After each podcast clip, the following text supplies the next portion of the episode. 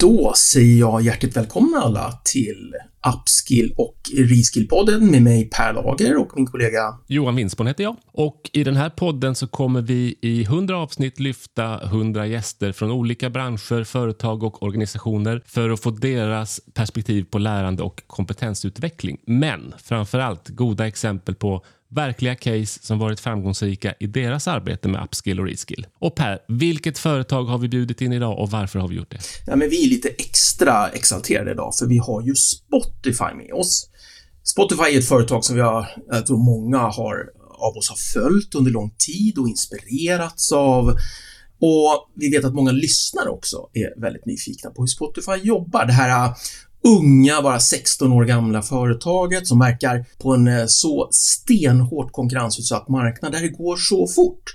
Men ni vinner faktiskt racet varje dag, fast ni kämpar mot aktörer som är mångdubbelt större än er. Och det är också så att ni går era egna vägar eh, med allt ifrån att hur ni lär er, vad ni kallar learning and development och naturligtvis det som är uppmärksammat, var får man och ska man jobba någonstans? Så det här, det ser vi verkligen fram emot.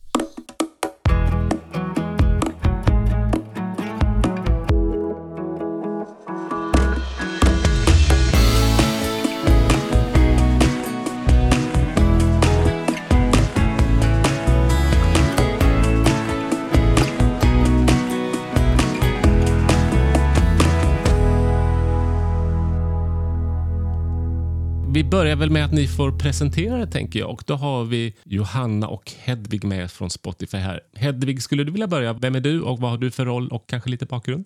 Okej, jag ska fatta mig ganska kort så att vi kan ägna oss åt det som är eh, viktigt. Men Hedvig Mossvall heter jag. Jag ansvarar för den delen av Greenhouse som är vårt ld team som är, är, det vi kallar för vårt Center of Excellence för teamutveckling, skillsutveckling och eh, ledarutveckling. Och jag har eh, en bakgrund eh, inom lärande och utbildning och utveckling på lite olika sätt från olika organisationer och olika typer av roller. Allt från konsult till Eh, utbildningschef till managementkonsult.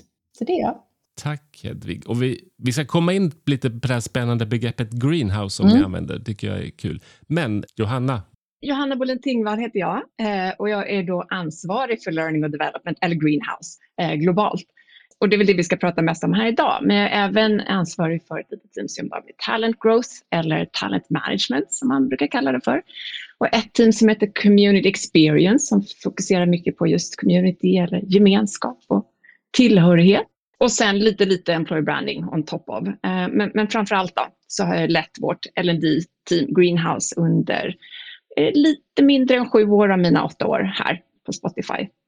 Spännande. Det ska bli jättekul att prata vidare mer om greenhouse och upskill och reskill. Men Per, vad säger du? Ska vi mjuka upp med lite korta, rappa frågor? Ja, men absolut. Det är vårat, eh, vår definition av uppmjukning.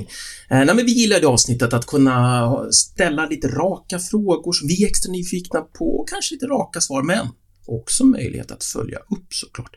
Den första frågan, och ni får välja vem som svarar, eller så svarar ni båda, det är har ni något exempel på någonting där ni har verkligen misslyckats med lärandet? Oj. Ja, jag ser att jag får ta den va, Hedvig? Alla misslyckanden. Nej, men jag skulle säga att det största misslyckandet eller största misstagen som jag antagligen har gjort, det är väl när jag inte har lärt mig mina misstag. För jag tänker om man lär sig sina misstag så kommer man ut lite starkare på andra sidan eh, och med mer kunskap än man hade innan. Men om jag ska berätta om något misstag som jag har lärt mig av så har jag ett exempel från för flera år sedan när vi skulle ta fram en ny ledarutvecklingsinsats för våra mest seniora ledare. Och vi hittade det här, det mest välrenommerade företaget som skulle vara vår partner i design och i utförande. Men sen under förberedelsen så blev den ursprungliga experten och facilitatorn sjuk.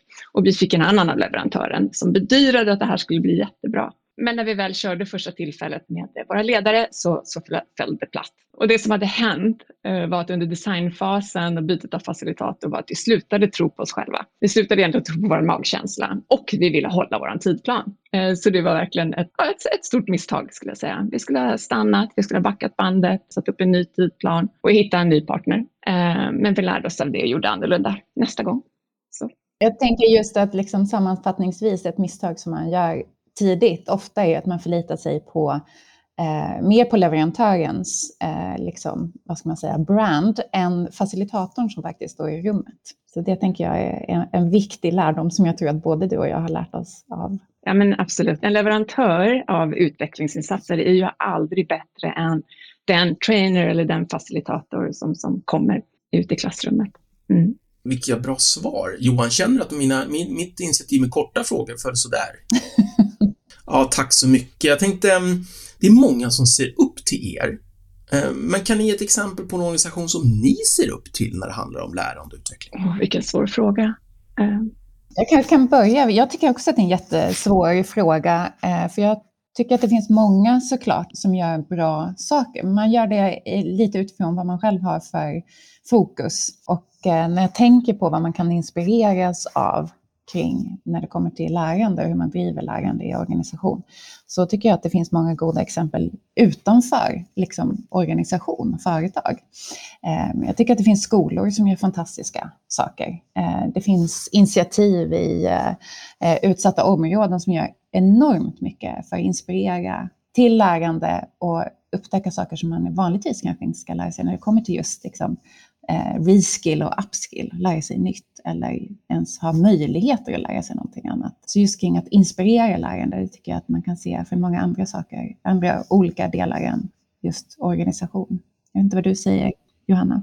Jo, jo, jag håller helt eh, med om det. Eh, en, en, av de organisationer som jag tycker är fantastiska i det här området är till exempel Berättarministeriet eh, som ser till att barn i, i, utsatta områden får tillgång till lusten att lära och lusten att skriva genom berättande och fantasi. Eh, just för att minska segregationen. Jag tänker att det är där det måste börja. Mm. Det är där någonstans allt, eh, allt sätts eh, för att kunna lära sig tidigt i livet. Ja, vad härligt hörni. Det är, det är det som är så roligt med lärande, att, att det är inte bara det här nära lärandet med organisationer som är likadana och, och så, utan att du just vågar gå lite längre ifrån och titta på det här. Tack så mycket, men Johan, nu har vi faktiskt börjat prata om vårt nästa tema, synen på lärande, eller hur? Ja, vi har kommit in på det med era kanske inte jättekorta svar utan lite längre och, och utvecklande svar. Men det tillåter vi såklart. Ni, ni presenterar ju båda två här som en del av något som ni internt kallar för greenhouse. Och Det tycker vi är så fruktansvärt spännande för det är ju, som vi har förstått, det är ju er eh, lnd avdelning egentligen, men ni kallar det för greenhouse. Varför gör ni det? Det gör vi för att vi tycker det är så stark symbolik i att kalla oss för ett växthus. För det vi gör som LND-specialister är ju att vara lite som en eh, gardener, vad kallar vi för en trädgårdsmästare. Eh, vi ser till att skapa rätt förutsättningar för våra människor att växa. Vi kan inte få någon att växa, men vi kan skapa rätt förutsättningar. Vi kan gödsla lite, vi kan vattna lite, ha lite blomsternäring och underlätta lärandet i det här fallet. Då. Så det är därför vi har den eh, symboliken kring greenhouse. Hjälper det till med den symboliken när man försöker skapa en lärande organisation, att man faktiskt ser det som någonting som växer och inte någonting som man kanske leder hela tiden? Absolut, absolut. Vi pratar mycket om growth och att growth is our mantra. Att växa är vårt mantra och det gäller både företaget och människorna i företaget. Så absolut hjälper det till eh, att skapa en bra Ehm, storytelling kring eh, varför vi vill vara ett växthus så att det är så att vi inte leder som du säger utan underlättar lärandet. Och vi, en, vår lärandefilosofi är ju um, drive your development. Så vi driver inte någon annans utveckling, utan ens utveckling och utbildning och lärande, det är ju individuellt. Det kommer ju från mig själv som individ. Eh, så därför ligger ansvaret till stor grad på individen. Men då behöver ju vi skapa de här förutsättningarna som Johanna pratar om och underlätta det och tillhandahållande och göra det möjligt för dig att utvecklas och växa i organisationen eller i växthuset. Och ibland gödsla lite extra kanske. Kan du ge något exempel på hur ni gör för just underlätta för enskilda medarbetare? Jag tänker att en sak som vi gör som, som ligger inom mitt ansvarsområde då, som Center of Excellence för både skills och ledarutveckling och teamutveckling är att tillhandahålla väldigt mycket olika möjligheter för att växa eh, och att det inte bara är utbildning i form av kurs eller en, en faktisk eh, utbildningsinsats eller ett program, eh, utan det också finns kurerat material eller sammanställt material i form av olika fokus, områden. Vi kallar det för learning journeys, om man vill fokusera på något ämne specifikt. Eller att det finns artiklar som man kan läsa, eller om det finns en digital eh, upplevelse, eller kopplat till andra sådana här lärande plattformar som vi också då kopplar in på vår, på vår plattform. Eh, och sen tillhandahåller vi ju väldigt mycket annat också som andra team hos oss jobbar med. Mm. Det här upplever, jag tycker det här känns väldigt fräscht när man diskuterar lärande. Jag tänker att ni på Spotify, ni var ju ett av de allra första företagen som erbjöd möjlighet att streama musik och sen har ju ni konstant expanderat nya marknader och nya tjänster. Och den här podden, det är många som säkert lyssnar på den via Spotify och det är ett exempel på det. Hur tror ni det här att vara med och bryta ny mark och, och liksom gå i bräschen för något nytt, har det påverkat hur, hur ni även ser på lärande? Vad skulle du säga Johanna? Det, det, tycker jag att det har gjort. Um, jag tror någonstans så ser vi lärande som förutsättningen för att kunna göra de här nya sakerna, för att kunna bryta ny mark och kunna eh, innovera. Eh, så det går liksom en, en, rak linje från det vi gör ut till innovationen i företaget och de, de produkter vi har och, och, och, säljer. Så verkligen en rak linje. Sen är ju ni, ni agerar ju också på en global marknad. På, hur påverkar det när ni resonerar lärande inom organisationen? För det måste vara mycket att ta hänsyn till. Jag tänker, det finns olika kulturer och, synsätt på lärande såklart. Påverkar det någonting? Jag tänker att, att en del eh, av det är, ju, är att vi försöker tänka global, Eh, alltså globalt och lokalt. Och det är väl en, en ganska tydlig beskrivning av vår organisation, att den är både och och inte antingen eller. Och det eh, gäller för oss också inom, inom LND. Så globalt kanske framför allt och sen så naturligtvis finns det ju lokala anpassningar. Men botten är ju på något sätt ändå alltid Spotifys kultur, och värderingar och sätt som vi vill göra saker. Det är på något sätt det som är det, det övergripande, lokala och grunden. Så när vi tar fram nya globala koncept, men även när vi ska göra lokala saker så gör vi det utifrån hur vi ser på lärande på Spotify. Vi har en väldigt stark grund i vår lärfilosofi kring ett growth mindset, kring hur vi ser på lärandet. Alla är talanger, men vi vill att du ska sitta i förarsätet och driva din utveckling för du kan inte lägga det i, i knät på en chef som du kanske inte har kvar om ett par år. Men vi kommer ju se till att du får hjälpen att driva den. Vi kommer se till att cheferna också kan supporta i ditt lärande. Så eh, en, en, väldigt stark grund i vad vi kallar för Spotifys lärfilosofi ja, lärkultur. Men sen då förstås lokala anpassningar eh, när det gäller lokal kultur. Och det är inte bara lärande, det är på många olika nivåer i organisationen. Jag eh, måste få passa på att fråga då. Eh, ni är 16 år gamla och ni är ju en bransch. Tänk Spotify för 16 år sedan. Vad hade ni för tjänster då? Och min fråga är, utvecklas lärandet och sättet ni jobbar med lärande på Spotify lika snabbt som era tjänster? Det vill säga, vad har hänt med lärandet och hur man lär sig på Spotify de sista 16 åren? Oh. Och, å ena sidan vill jag säga att det inte har ändrats. Jag tänker att vi som människor lär oss på ungefär samma sätt nu som förr. Eh, så egentligen, eh, på det är svaret nej. Sen hur vi gör som greenhouse, det har förändrats en hel del skulle jag säga. Om vi tittar på det här med behovsanalyser bakåt i tiden. För åtta år sedan när jag klev, klev, in, eller sju år sedan när jag tog över Greenhouse, då gjorde vi det här klassiska. Vi skickade enkäter till ledare och medarbetare. Vi intervjuade chefer och frågade vad de behöver.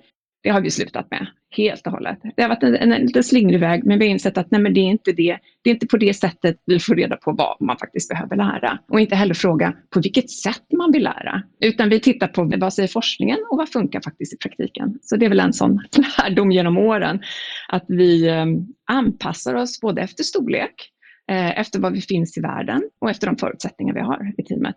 Vi har ju tur. Vi har ju ett ganska stort team, får man väl säga. Vi är ungefär 16 stycken i det globala LND-teamet och har rätt mycket buy-in och resurser från både från ledningen och från medarbetarna. Så det är väldigt uppskattat här. Alla ser lärande som en stor del av kulturen, vilket gör det lätt för oss också att um, komma ut med våra erbjudanden för att de nyttjas. Och, och vi har många, många nyfikna och uh, villiga learners där ute Sen tycker jag Johanna, du är bra på också hela tiden göra det väldigt medvetet och avsiktligt i hur, ja vi är 16 personer, men det var också ett väldigt medvetet beslut kring så här, hur behöver vi organisera oss för att ha en organisation som är 10 000 personer? Och där upskill och reskill naturligtvis är en viktig, viktig del. Hur ska vårt L&D-team se ut? Så att det inte bara är någon liksom slags liksom amöba som växer med organisationen, utan det finns en väldigt liksom medveten fråga där. Hur behöver vi organisera oss för att optimera lärandet i organisationen? Och optimera lärandet utifrån vad är det vi ska åstadkomma i organisationen? Precis. Ja. Var befinner sig organisationen och vad är det ledningsgruppen pratar om att vi, de ska någonstans. Så på vilket sätt supporterar vi det och är liksom ryggraden i det och bygger hållbarhet i systemet av alla de här teamen och individerna och ledarna som på något sätt ska eh, samverka. Om vi skulle gräva vidare där då kring vad man faktiskt vill åstadkomma och vad som funkar i praktiken som du sa Johanna. Per, ska vi gå in på nästa moment där vi börjar titta närmare på djupet? Ja, vi kan väl avslöja att det här är ju mitt och Johans eh, favoritmoment såklart, där vi har frågat er lite innan också. Eh, kan ni paketera, kan ni ta med, kan ni tänka på ett par olika case? Hur ni arbetar för att nå framgång. Så att, eh, ska vi börja med ett, ett första case? Vem av er vill ta lid på det? Ska du börja Hedvig? Jag kan börja, absolut. Det här eh, caset är väl egentligen någonting som jag är på tal om vad man är stolt över att ha åstadkommit inom lärande. Eh, så är det här nog det som jag är stoltast över i närtid. Och jag skulle vilja säga att det kanske kickstartade eh, när jag började på Spotify för ungefär tre år sedan. När Johanna utmanade mig och sa att vi måste skala teamutveckling. Vi måste få Spotifys team att Eh, springa fortare och eh, egentligen hit the ground running så fort som möjligt. Och egentligen göra det möjligt för alla team att utvecklas fort. Och teamutveckling är väl så väldigt klassiskt i organisationer, att någonting som är förbehållet ledningsgrupper, det är dyrt, det är oftast långa processer eh, och knutet oftast till en individ också, en facilitator eller en teamutvecklare som teamet ibland nästan blir beroende av. Så hur kan vi göra det här på ett effektivt sätt för alla de här hundratals teamen som jobbar på Spotify? Och inte bara för att det är liksom viktigt med teamutveckling, utan för att vi också vet att skillsutveckling, det händer ju i teamen. För det är ju relationellt och kontextuellt och händer eh, när jag jobbar tillsammans med någon annan som jag utvecklar mina kompetenser. Så, och hur skulle vi göra det? Så det, det var kick-offen från Johanna för tre år sedan. Men vi skapade en ehm, eh, digital lösning baserat på forskning som Johanna nämnde är väldigt viktigt för oss. Eh, men också erfarenhet av att ha jobbat med en hel del tid på Spotify eh, innan jag började som eh, medarbetare här. Och anpassade utifrån vår kontext där vi också såg till att med en digital lösning fick team att driva sin egen teamutveckling och göra det så lätt och enkelt för chefen och ledaren eh, som möjligt. Och det här är ju lite motsägelsefullt, för jag skulle vilja säga att one size does not fit all eh, när det kommer till just teamutveckling. Men det finns ju vissa komponenter som man faktiskt behöver diskutera oavsett vad man är för team. Eh, så komplettera till den här då digitala lösningen, men faktiskt en facilitator som pratade igenom hela eh, processen tillsammans. Eh, så har vi också kompletterat med stöd då från Greenhouse för chefen och där vi designar naturligtvis då personaliserade playlists, alltså ja, låtlistor med olika interventioner och olika actions som teamet ska göra. Eh, och sen så får de eh, efter en viss period och komplettera med ytterligare workshops. Så att de driver sin egen teamutveckling över tre månader med hjälp av eh, ett Eh, GDQ Assessment, eh, Susan Whelans forskningsbaserade verktyg för att mäta teams utveckling. Ja, är det någonting som behöver kompletteras med det? Det som jag tycker är väldigt härligt att se är ju att vi faktiskt når många, många, många fler team eh, och att det blir tillhandahållet för ett team oavsett var i organisationen de befinner sig. Och man skapar lärande i teamen. De blir liksom lärteam nästan. Och man, vi lär oss generellt sett i hela organisationen mer om teamutveckling och så bygger vi förmåga och, och kompetens liksom i, i systemet kring teamutveckling. Vilket är en väldigt underskattad kompetens och som vi har väldigt svårt att liksom ta oss an och, och lära oss. Men tänker på hur mycket utbildningen vi får generellt sett och hur mycket ledarutbildning eh, vi får i organisationer så lägger vi väldigt lite tid och kraft på just teamutveckling. Och det var ju verkligen ett sätt för oss att nå alla, att inte vara flaskhalsen och att verkligen låta alla team, oavsett nivå, eh, få, få tillgång till det här. Demokratisera och skala teamutveckling och göra det tillgängligt för alla i organisationen. Men också bygga de här liksom individuella kompetenserna. Man slår lite tre flugor i en smäll där. Just för att du når teamet, du når individen och du når ledaren. Ja, men tack så mycket. Det här är ju så klockrent. Vi, vi vet att det här är det som många bryter med. Eh, det här viktiga, liksom, kan vi kalla den för mellannivån mellan individ och organisation, nämligen teamen. Mm. Där, där väldigt mycket av, det, av arbetet sker. Mm. Eh, så tack för det. Men vad skulle ni säga, liksom, hur, vad är det för värde då som det här har liksom skapat i organisationen? Kan ni peka på några sådana effekter? En sak som jag skulle vilja lyfta, som jag också tror missas ofta i organisationer, är ju att just ge ledare verktyg för att jobba med teamutveckling självständigt och att de känner att de kan det, att de har kraft till det och får den supporten som de behöver att göra det själv och tänka lite mer team För att ofta så tänker man ju oftast på individerna i sitt team och hur man ska relatera till dem. Och man tänker mycket på hur man ska driva sin verksamhet och nå resultaten. Men tänker sällan team. Så det tycker jag har blivit en stor skillnad. Och generellt sett, det här är en liten del i hur vi jobbar med teamutveckling. Eh, jag skulle det är ett enormt erbjudande när det kommer till att, att driva teamutveckling i form av bibliotek och med workshops och, och facilitatorledda workshops också som man kan få genom greenhouse. Ehm, så jag skulle säga att det som är effekten hos oss är ju att man tänker mer team. Och sen rent konkret så får man ju faktiskt mäta. Vi, vi kan ju mäta en förändring i teamets eh, upplevda effektivitet med hjälp av GDQ. Vilket ju också är, kan, kan eh, vara till hjälp ibland. Ja, men klockrent. Eh, precis. Jag tänkte, um, jobbar ni på det här viset också, ert greenhouse-team? Vi testar ju allt på oss själva. Vi äter vår egen hundmat som på, på ren svengelska. Men just den här resan driver vi inte just nu. Uh, men vi, vi testar allt möjligt på oss själva, absolut. Och vi har alla gjort GDQ. Ja, härligt. Eh, Johan, det här kräver kanske att vi behöver reflektera lite innan vi går vidare vikten av att reflektera kring det man tar in är ju oerhört viktigt för lärandet. Och vi har ju tänkt illustrera det Per i det här programmet. Hur gör vi det? Ja, men vi gör ju det genom att ha bjudit in vår kapellmästare som kör en liten sång eh, så vi kan stanna upp lite grann och gå in i oss själva, titta igenom anteckningarna, gå från korttidsminnet till att försöka lagra de viktigaste sakerna i vårt långtidsminne. Så, så här kommer eh, andningsspåret. Med blicken uppåt strosar jag neråt på gatan jag bott en gång. Här har människor bråkat, älskat och väntat på drömmar som aldrig kom. Vi gjorde vårt bästa, tänker du säkert, men du var långt ifrån. När man tror du är nöjd och uppskattar livet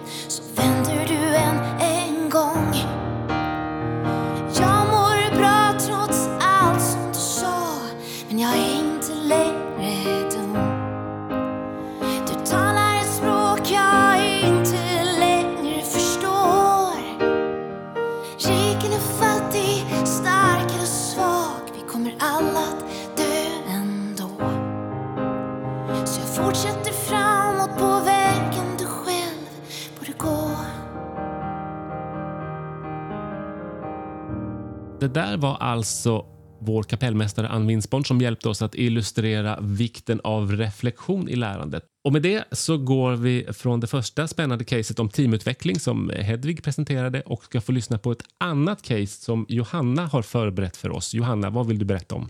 Jo, ehm, det andra caset handlar om hur vi kan underlätta för fler sätt att lära.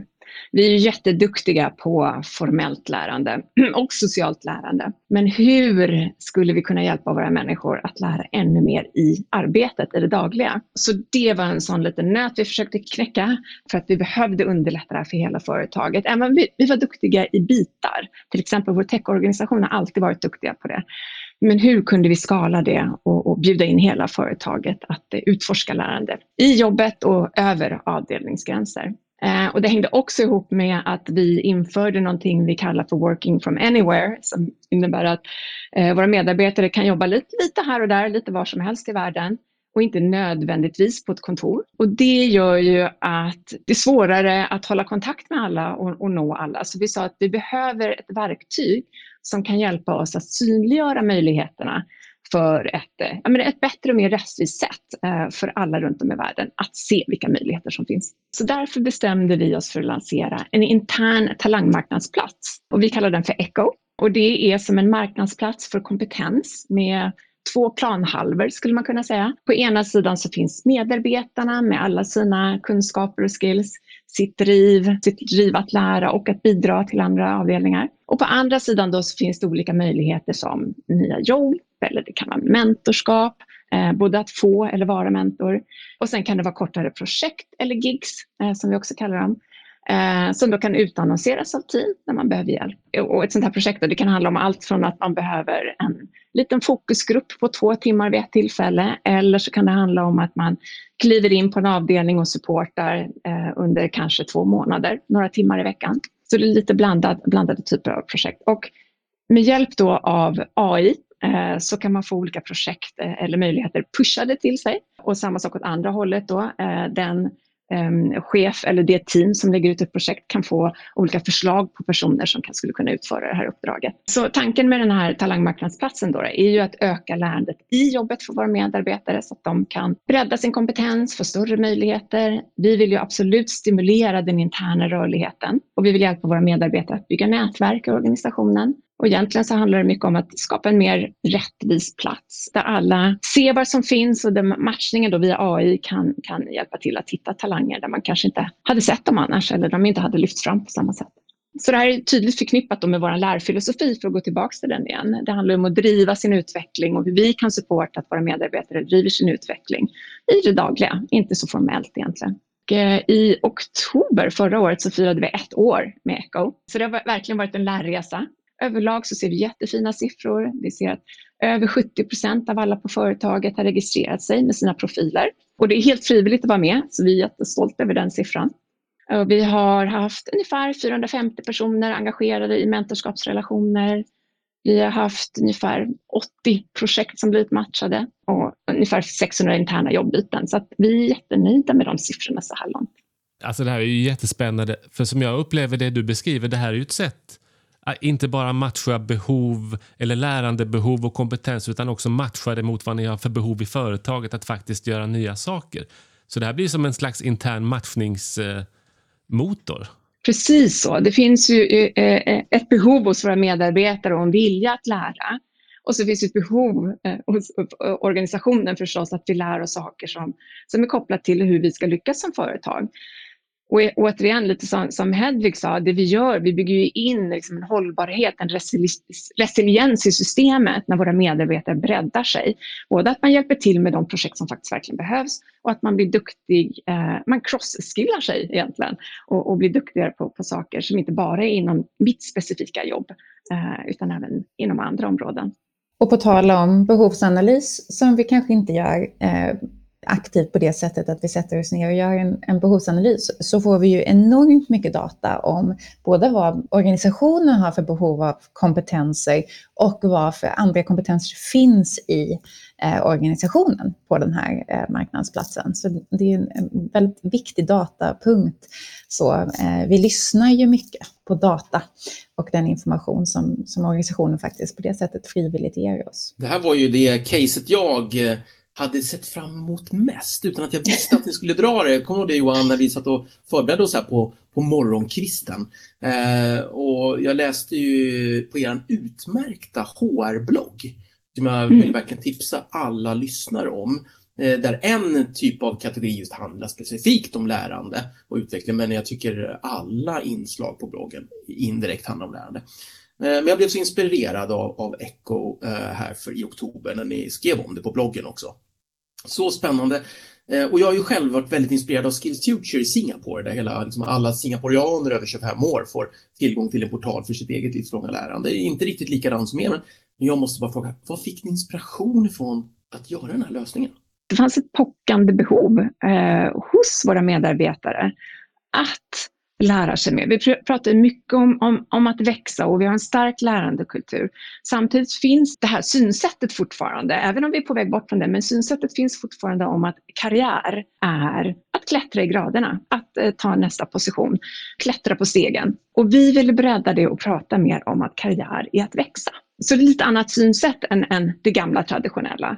Och det kommer sig av den stora förändring vi är inne i som värld med den snabba tekniska utvecklingen där eh, ny teknik gör att jobb kommer till och försvinner i allt snabbare takt, där företag kommer till och försvinner i allt snabbare takt och där man liksom måste hålla sig igång. Man måste hålla sig lärande hela tiden.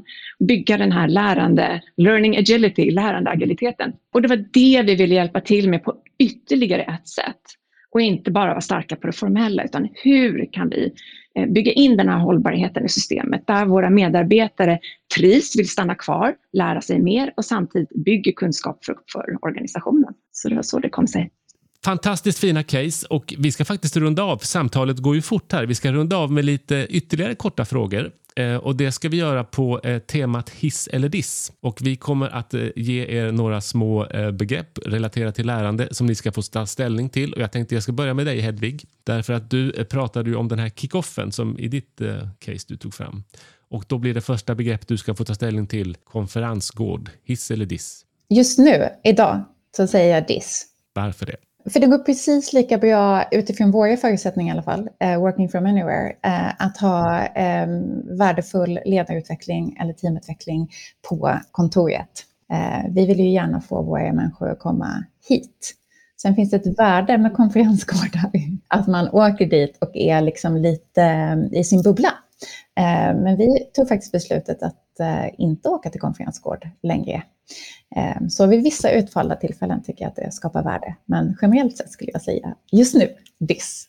Och det kommer sig ut av att vi har en hybrid arbetsplats där vi har människor som jobbar lite överallt ifrån. Då vill vi gärna kanalisera in dem så att de kommer in till våra kontor istället när de ska träffas. Johanna, då får du nästa fråga. Kirkpatrick och utvärdering av lärande, hiss eller diss? Jag säger diss. Varför då? Jag, jag tror på att utvärdera lärandet men det är ju inte alltid så enkelt som att använda Kirkpatrick-modellen. Och vad säger upplevelsen om, nu finns det ju många olika nivåer, men, men den är ju svår. Jag tror ju lite mer på det här att skapa rätt förutsättningar. Och eh, jag skrev en blogg eh, om det där jag skrev att man ska vattna päronträdet. Och, och det är lite våran växthus-approach egentligen, att vi vet vi vet ju att om vi gödslar, om vi vattnar, om vi ger rätt förutsättningar för det här trädet att växa, då kommer det ge fler päron. Sen vet vi inte exakt hur många päron, men vi vet att det kommer ge mer päron än om vi inte gör det. Så det lägger vi mer krut på. Och jag skulle vilja lägga till att utveckling är ju inte linjärt. Så utveckling kan ju komma precis när som helst, oavsett när jag har liksom fått till mig kunskap. Det kan ju komma efter fem år eller tio år, eh, beroende på vad, i vilken kontext som den här kunskapen återuppstår. Så att titta på utveckling som i adult development eh, enligt ett visst antal steg, det känns ju lite utdaterat. Vi tar en sista kort fråga som jag, jag är jättenyfiken på personligen också. Hiss eller diss, ChatGPT? Hiss! Superhiss! Jag säger hiss, men låter Johanna prata om det här, för jag vet att det ligger henne väldigt varmt om hjärtat. Ja, men det gör det faktiskt. Alltså, det var ju lite skräckblandad förtjusning faktiskt när jag såg eh, ChatGPT för första gången. För att det, äh, men det är första gången på många, många år som jag verkligen känner att det här är mindblowing. Vilka möjligheter! Och lite skräckblandad förtjusning också. Vilka möjligheter att det kan gå åt fel håll, så att säga. Men, men jag ser hiss, bara vi kan liksom hitta sätt att eh, rama in vad ChatGPT får göra och den typen av ehm, eh, teknik. Jag tror ju att det kommer vara det bästa sättet att lära. Det kommer vara den bästa edtech-produkten i framtiden därför att du kan individanpassa det så otroligt mycket. Stor hiss. Hörrni, eh, tack så mycket. Alltså vi är så glada för att ha just er här eh, och att ni är så bjössiga och så bra på att paketera era erfarenheter, ert eget lärande av lärandet. Eh, tack så mycket för det, det där, det där gillar vi. Eh, och jag tänkte, jag har ju pratat också mycket om det organisatoriska lärandet och hur du jobbar i team. Men lite avrundningsvis där, hur lär ni er själva då? Vad är era, era bästa så här, vardagslärande tips eh, som ni skulle vilja dela med er av som skapar värde för er? Ska vi börja med Hedvig? Ja, men eh, jag tror att du sa det här i början eh, och det är ju reflektion såklart. Och, eh, som, där man lär sig mest och kanske liksom drar slutsatser och gör lärande loopar. Och för att liksom kunna göra det så behövs det ju tid. Jag skulle säga att man behöver vara ganska liksom hård med sig själv och avsätta tid. Men eh, jag tycker också om att tänka högt eh, och gör ju det då gärna med hjälp av Johanna. Hur gör du när du reflekterar? Har du bokade tider i din kalender? Hur, hur liksom omsätter du den där viljan? Ja, nej men jag har inte någon exakt eh, bokad tid eh, i kalendern, men vi har ju mötesfria fredagar. Eh, så då eh, handlar det ofta om att samla ihop veckan på något sätt, gå igenom mejlen och eh, kanske till och med spara tid för att reflektera kring ett visst ämne eller jobba med någonting specifikt. Eh, så jag tycker fredagar blir oftast en bra eh, liksom, summering för mig och sen kan jag där marinera lite under helgen och sen så kommer jag tillbaka och provtrycker något som jag har tänkt Eh, på Johanna och sen så ställer hon någon relevant fråga. Och Johanna då, hur lär du dig då, så här i vardagen? Nu måste jag ju säga någonting annat, även om reflektion verkligen är högst upp på listan. Eh, jag skulle säga, eh, utsätt dig för jobbiga kollegor. Det är jättebra. Alltså, jag har några kollegor, det är inte främst du Hedvig, men det är några andra kollegor som jag uppskattar så oerhört mycket för de tänker så annorlunda mot vad jag gör. De kommer fram till andra slutsatser, ibland samma slutsatser men på helt andra sätt. Och det kan vara jätteprovocerande för mig när, när jag först hör det, men då måste jag liksom öppna upp och lyssna in och reflektera igen på, ja men sätta mig in med andra tänkesätt och ta, ta andra perspektiv. Det tycker jag är viktigt för mitt vardagslärande. Bra tips. Eh, återigen, tack för att ni var med oss i, i våran podd. Eh, mm. Och jättelycka till. Vi kommer fortsätta följa er. Det kommer alla lyssnare också göra. Eller vad säger du Johan? Precis. Jättetack för att ni var med här, både Johanna och Hedvig från Spotify. Och Vi hoppas ju också att våra lyssnare har fått hjälp att med dagens intressanta diskussion få inspiration till sitt eget arbete med upskill och reskill. Stort tack! Stort tack ska ni ha! Tack.